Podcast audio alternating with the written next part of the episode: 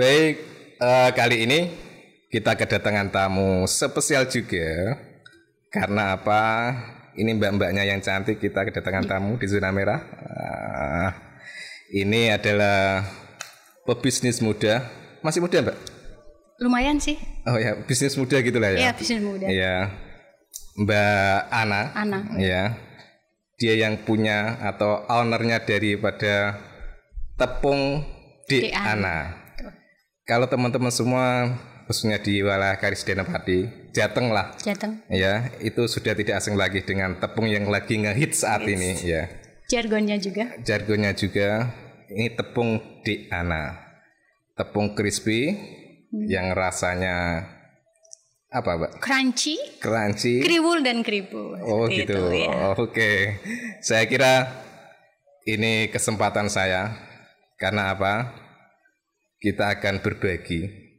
Kita tidak hanya ingin mengetahui bagaimana tepung Diana ini muncul, tapi perjalanan beliau sang owner. Karena sebelumnya saya juga kenal Mbak Ana ini. Dulunya kalau nggak salah beliau adalah bisnis kuliner. Sempat buka kafe Mbak ya. Ya, dua tempat. Dua tempat, Mbak? Ya. Kabarnya gimana, Mbak? Di masih seputar Pati sih. Masih seputar Pati. Di Hmm. Kecamatan udah di Jaksa sama Kecamatan Margoyoso Hmm. gitu. Ya. Berapa tahun itu dulu? Eh, yang di Padari jalan dua tahun, Hmm. yang di Margoyoso jalan dua, satu tahun. Satu tahun. Ya, Sekarang kabarnya kabarnya innalillah. innalillah. Kenapa? Kenapa, Mbak? Kenapa ya kita se untuk eh, apa jaga kualitas apa yang ada di menu kita kita masih tetap jaga. Mm-mm. Terus eh, untuk pemasaran Mas tahu sendiri kan kita karena berteman di sosmed juga. Iya. Tapi apa ya? Belum beruntung aja Belum kali. beruntung, Belum ya. beruntung ya. Dulu lumayan banyak modelnya Lumayan atau banget. cuman berapa? Kalau sebelum kafe aku sudah pernah juga Ya. eh, buka butik ya, toko fashion itu. Mhm. Ya hampir ratusan juta gitu Ah, akhirnya innalillahi juga Innalillahi lenyap juga. juga, terus Hmm. sambil itu kita mikir mikir terus bikin apa ya yang saat itu rame Hmm. aku bikin kuliner akhirnya Iya. bikin kafe kafe pertama rame Iya. akhirnya kita buka cabang yang kedua rame juga tapi le apa jalan satu tahun yang eh, cabang yang kedua Mhm. berangsur-angsur akhirnya Tumbang juga. Iya, itu itu tepatnya tahun berapa ya? 2019 Februari. Mhm. Kita benar-benar ambruk semuanya. Heeh. Modal yang beg- begitu Ada 200 juta, 500 juta, 200-an, 200-an. 200-an Iya, juta. Iya, Akhirnya tumbang semua. kembang juga. Kondisinya eh, Anda saat itu seperti apa? Saat itu karena suami masih Hmm. kerja kantoran, Ya? kita nggak begitu efek juga ya, Iya. karena kita sebenarnya kan membantu. Ya. Tapi eh, rasa malunya, malu sama suami, malu sama semua Hmm. ya, karena dulu kan sempat sempat ramai, sempat itu kenapa tiba-tiba bangkrut gitu, Iya. terlilit utang banyak juga, Hmm. Eh, banyak yang nyinyir sana sini. Ya. Ya di situ saya off tiga bulan itu, Du- eh, Februari Mhm. aku off sampai bulan eh, tiga bulan, terus aku mikir Hmm. ini ngapain ya? Pada dasarnya saya kan nggak bisa diem ya Ya. suami melarang nggak usah bikin apa pun Ya. karena sudah ratusan juta hilang Ya. kamu duduk manis saja tanpa sepengetahuan suami Ya. eh, akhirnya dengan bermodal 400 ribu 450 ribu rupiah saat itu Ya. 450 ribu rupiah suami nggak tahu aku packing packing sendiri Mhm. eh, aku tawarin Mhm. eh, ke sosmed aku tipe orang yang bukan nawarin sih nawarin ibaratnya japri kan kita Ya. itu aku nggak nggak bisa banget seperti itu Mhm. karena bagi aku kalau misalnya ditolak aku Ya. tipe orang yang mudah patah hati Hati dan Iya. malu. Dan malu Hmm. kalau ditolak saya malu gitu kan aku hanya mengandalkan pertemanan terutama di Facebook Hmm. Ya. saat itu di Facebook pertemananku kan lumayan ya Hmm. aku hanya ngiklan ngiklan sama nawarin beda ya ngiklan kan siapa yang minat dia yang Ya. eh, japri kita nah dari situ dari pertama kali bikin tepung Ya. sehari itu aku pertama bikin 25 kilo 25 kilo. Ya dengan harga ecer berdiri segini dua puluh lima ribu untuk lele. Segini 25 ribu atau Satu kilonya. satu kali. Iya. Ini berapa ini kalau ini kemasan ini? Ini per 500 gram 13.000 ribu. Mm-mm. Oh, Tapi kalau di luar Pati beda lagi ya, Oh, gitu. karena ada ongkir dan lain-lain. Iya, iya. Nah dari situ hari pertama 25 kilo itu Ya. dengan modal 450 ribu per seminggu Hmm. Ya. sudah berubah menjadi 3 juta 600. Mm-mm. Terus per dua minggu jadi 8 juta. Ya. Per tiga minggu akhirnya per eh, per satu bulan saya ngantongin uang 20 juta. Segitu. ya? Subhanallah iya. Ya. Karena kemarin-kemarin usaha apa pun bangkrut kan. Ya. Sekali di tangan dapat uang segitu hanya dengan modal 455 ribu, Hmm. 450 ribu itu. Keistimewaan dari tepung DNA ini apa sih? Apa ya? Mungkin kalau yang lain eh, sama-sama jual kriuk, Ya, aku eh, ngandalin di rasanya. dirasanya. Iya. Rasanya terus eh, memang kriuknya itu dia crunchy. Hmm. Pernah pernah ada yang merek lain juga sih, cuma Hmm. dia nggak secrunchy ini katanya, katanya customer ya. Ya. Gitu. Siapa dulu yang pertama beli siapa? Kalau Teman sih teman. Hmm. teman dekat Hmm. ada siapa ya? Teman-teman dekat di Facebook yang Hmm. selalu support saat Hmm. itu. Ya masih hafal sih. Ada yang Facebooknya siapa? Julma Queen, Mm-mm. Juwita Rias, Hmm. terus apa lagi ya? Safira, Cewek semua ya? ya cek-cek semua tuh. Halo mbak mbak. Facebookku temennya cewek semua kebanyakan. Iya. Gitu. Karena target marketku juga cewek-cewek soalnya. Oh gitu. Oh ini Iya. kebanyakan ibu-ibu ya? Iya, Jangan iya. kalau apa remaja-remaja putri. Remaja banyak. Banyak, Mereka yang all shopper gitu, Hmm. dia pasti pakai ini juga. Oh gitu. Iya. Sekarang gimana perkembangannya untuk tepung DNA? Eh, untuk perkembangannya sih sejauh ini kalau dari awal 25 kilo per hari kan Ya. untuk ini eh, apa seharinya bukan sehari ya kita ngitungnya per week ya Mm-mm. per week bisa 8 sampai 10 kuintal Mm-mm. alhamdulillah seperti itu Targetnya mbak, ini bisa menjangkau. Sudah ke mana saja sekarang? Jawa Tengah Jawa Tengah. Jepara Kudus Semarang ada semua sih Blora Hmm. Reseller semua atau agen agen? iya reseller itu yang nangani agenku aku hanya cari agen gitu Oh gitu. Mm-mm. Per daerah sekarang sudah ada ya? ada Paling banyak daerah mana? Pati dong Pati. ya, Pati Bang? Kudus ya Mm-mm. Jepara Rembang gitu Ya. Harga bisa bersaing. harga tetap bersaing dan harga yang nentuin dari saya Hmm, gitu. gitu. Jadi semua harga itu sama. Hmm. Kalau ada yang eh apa? Le- lebih mahal. yang lebih mahal oke, malah Hmm. oke. Tapi Hmm. kalau lebih murah aku Hmm. Oh, Nggak gitu. usah nggak usah di itu, nggak usah di nggak usah ikutan gabung di manajemenku kalau di Oh, gitu. Dia Berarti kalau- dia kan panik. Ini ini tepung hit loh ini. Hmm, tepung iya, gitu. iya. Jangan main-main loh. Jangan loh. panik, nggak usah Iya. panik. Jualan nggak Iya. usah panik. Iya. Gitu. Kita kan jaga kualitasnya juga. Gitu. Rasa kualitas. Ya enak rasa kualitasnya juga oke, kriuknya juga pasti. Hmm. Hmm. Tes- Kita kan ngandelin. Testimoni testimoni yang sudah ada. Banyak, banyak banget sih. Hmm. Bisa di itu di sosmedku ada. Ya. Lumayan banyak ya. Iya. Hmm. Ini masih mau menjangkau di Jateng saja atau ke mana? Enggak dong, kita mau ke Jogja. Nasional. Oh, Jogja, Jogja dulu merambah ke situ. Hmm. Ya kalau bisa nasional. Nasional. Iya. Ah, ngalan-ngalan yang nasional nanti. Keistimewanya apa lagi? Istimewanya lagi apa kira-kira? Dari tepung Diana ini. Keistimewaannya lagi. Ya. Ini Apa ya? biar dikata mereka per kilonya mahal ya. Ya. Tapi ternyata mereka yang sudah eh, apa? Hmm. bisnis di bidang ini misalnya jual ayam Kentucky atau ayam geprek kayak gitu Hmm. satu kilonya ternyata bisa 30 pieces bayangkan murah kan ah ternyata kan murah gitu loh Oh, gitu. nggak nggak mahal lagi Hmm. Heeh.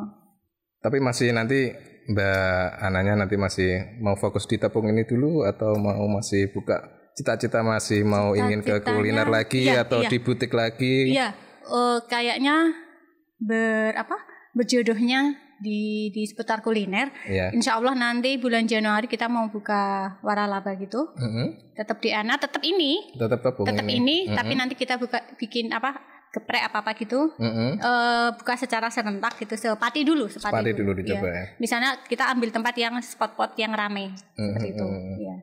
boleh boleh franchise Mhm. eh, ataupun sewa nanti rencananya seperti itu Kirain doain. Iya. Mudah-mudahan berhasil. amin Iya. Kirain mau buka butik lagi atau kayaknya balik ke sana lagi enggak enggak enggak itu karena belajar dari pengalaman Bad- itu. heeh. Sudah terlalu apa ya? Sudah terlalu pengalamannya sudah terlalu habis banyak Iya, itu tadi iya, ya. heeh, heeh. Jadi nggak ada keinginan lagi mbaknya untuk Enggak. istilahnya Dengan mau menekuni. ya, eh, yang ini aja yang hanya modal 450 ribu, Mm-mm. ternyata omsetnya Mm-mm. Segitu. Sejutaan. Wow sih bagi bagiku sih wow banget. Iya, apalagi gitu setelah jatuh yang segitunya. Oh, oh, iya, apalagi di masa corona yang Mm-mm. katanya eh banyak apa Mm. bisnis-bisnis yang agak slow gitu. Hmm. Ternyata tepung ini dia eh, ibaratnya hitnya tuh di situ. Hmm. Hitnya pertama kali corona datang. Malah Maret mas- April itu hit. Lagi-lagi hit. Iya, nih. iya. Makanya dikasih tepung apa ya? Di anak Di hit. ya? ana hits. Oh gitu. Iya. jargon ya.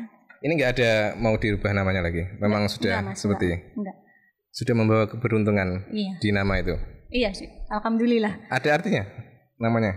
Di Ana ada sih pertama suami manggilnya Dek. Oh Di gitu. Kan. Terus yang kedua sekali, Pak suami. iya, yang kedua ipar ipar ya. Iya. Adik-adik ipar karena saya kan eh, suami saya anak-anak pertama. Jadi manggilnya kalau orang Jawa D.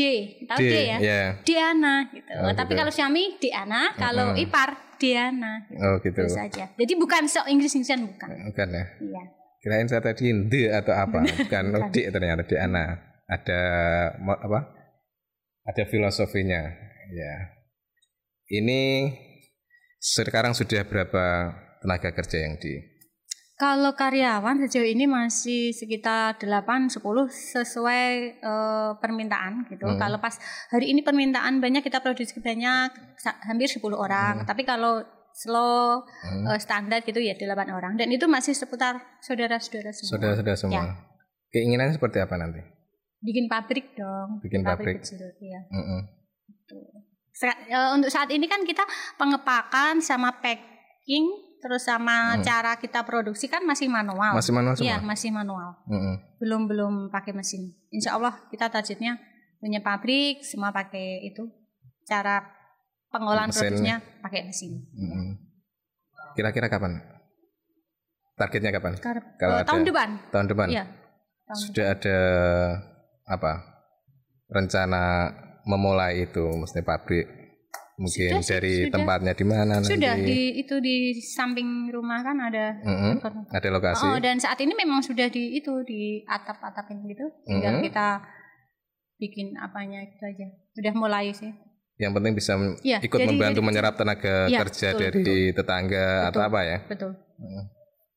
Kalau sekarang berapa tadi? 12-an? Ya, 12 10 10 10 12 tergantung produksinya kita. tergantung tuh. Tergantung permintaan Mm-mm, tadi. mm-mm. Tapi setiap hari ada permintaan. Ada dong. Mm-mm. Ada minimal dua satu dua kuintal. Dua kuintal Iya. minimal. Ya, Mm. Kalau masih pandemi seperti sekarang ini saat ini, Hmm. ini kan masih musim pandemi, masih juga masih banyak permintaannya. masih tiap hari satu kuintal sih rata-rata. Hmm. Sebelum sebelum enggak kita kan hitnya kita ramainya malah pas saat ada corona Awal-awal itu. corona iya, ya? heeh. Mm. Itu sehari sampai 4 sampai 5 kuintal. Empat sampai lima Oh, kuintal. nah, ini akhir-akhir ini corona yang semakin ini Mm-mm. dia masih satu dua kuintal. Mm-mm. Gitu. Tapi malah Per lebih hari. awal ya, awal-awal corona itu malah lebih Iya. lebih banyak permintaannya. Jadi Iya. menurutku kalau corona apa gitu kalau untuk alasan sepi dan enggak kayaknya enggak ya karena saya Mm. ramenya justru pas, Pas saat corona ya? ada pandemi. Mm-mm. Dan bisa mempekerjakan tenaga Tenaga, oh, itu dari tetangga Oh, saudara dan tetangga sih. Gitu ya. Iya. Saya ingin cerita lagi mbak yang pengen mengetahui cerita yang dulu lagi. Dulu ke punya punya butik itu seperti apa? Karena sebelum sebelum di apa sebelum di kafe kan dulu Hmm, kayaknya pernah butik. punya butik ya. Iya. Itu perjalanan seperti apa?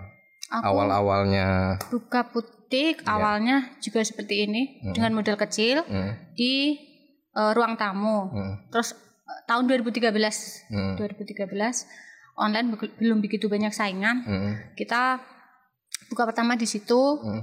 eh, sambil dropship Ya. terus nyetok dikit-dikit. Nah, hmm, didukung sama suami, Iya. ada toko di pinggir jalan gitu kan. Akhirnya dibeli. hmm, Kita buka di situ rame, sebenarnya rame. hmm, Satu sampai tiga tahun pertama rame. hmm. Tapi ya gitu langsung Apa ambruk lagi istilahnya? Iya, heeh. aku ganti sembako. Kita bangkit lagi, ganti Bangkit lagi. sembako. Iya.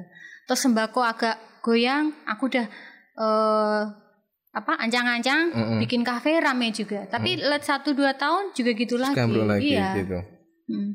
Untuk apa ya istilahnya ketika Mbak Ana jatuh seperti itu? Motivasi apa yang sehingga menimbulkan Anda bisa bangkit lagi untuk berkarya lagi, untuk ber, apa membuka bisnis lagi? Itu apa? Mungkin karena cemoohan orang ya. Mm-mm. Dikira saya nggak bisa kerja gitu. Padahal saat Mm. itu aku pun kerja dengan bener gitu. Mm. Ngiklan terus pertemananku juga banyak Mm. ngandelin dari situ. Mm-mm. Tapi kenapa kok jatuh lagi, jatuh lagi? Ini Mm. apa ada yang salah Mm-mm. gitu.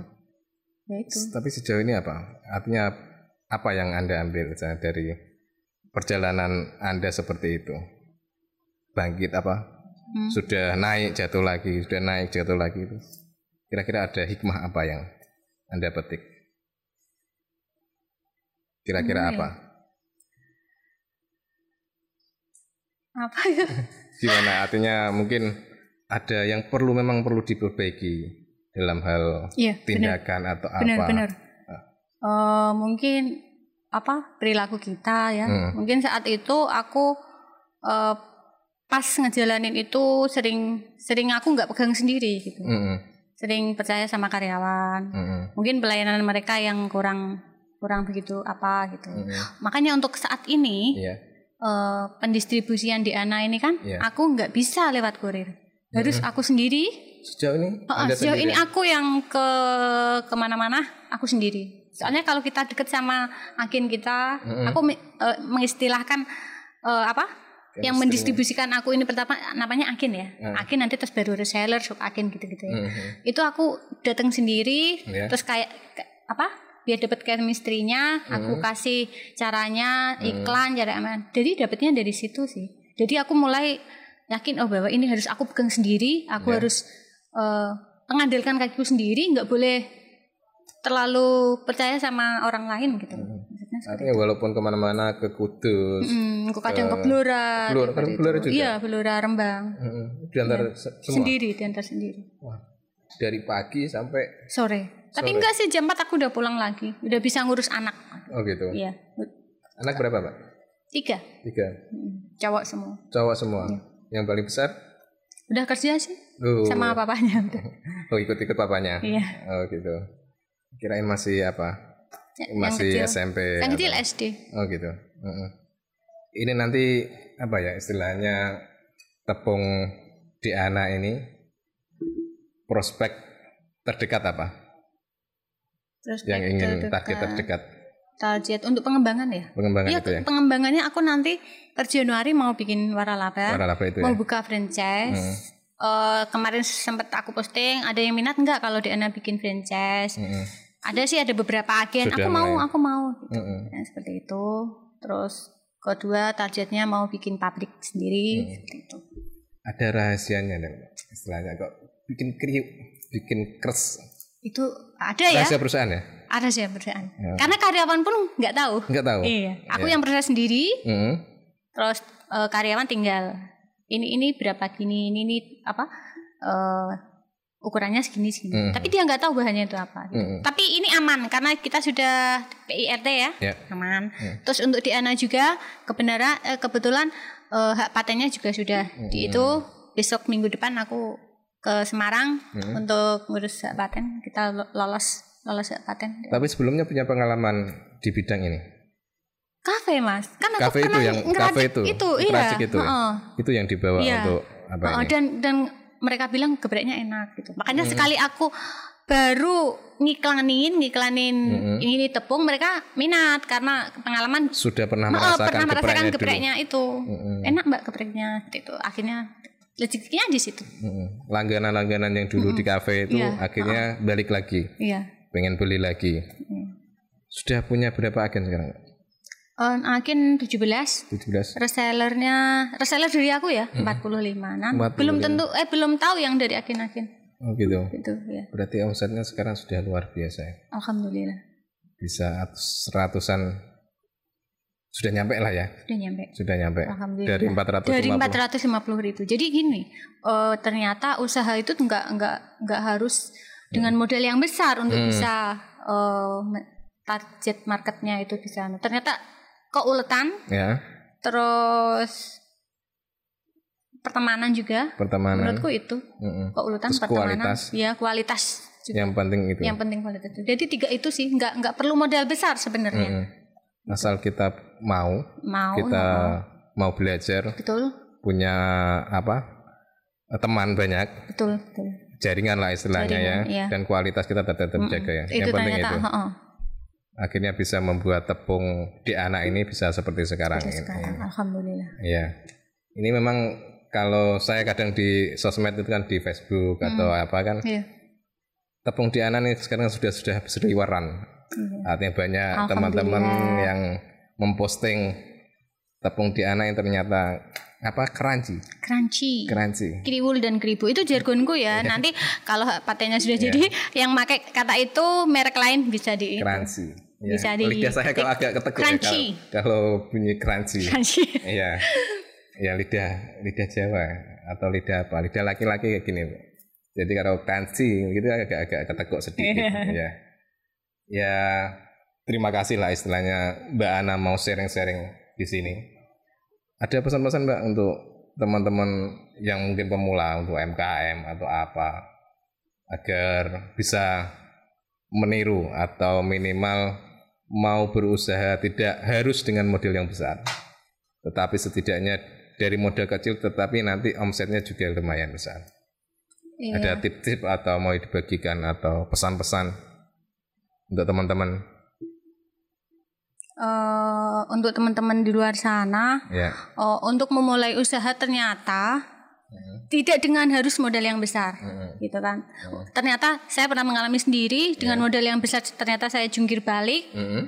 dan akhirnya baru ketemu dengan modal yang hanya seberapa, gitu ya. Mm-mm. Dan kuncinya itu kita jaga kualitas, jaga pertemanan, terus eh, konsisten, Iya. jujur, gitu-gitu sih sebenarnya. Kita ramah sama orang, Mas. sama orang itu kuncinya Iya.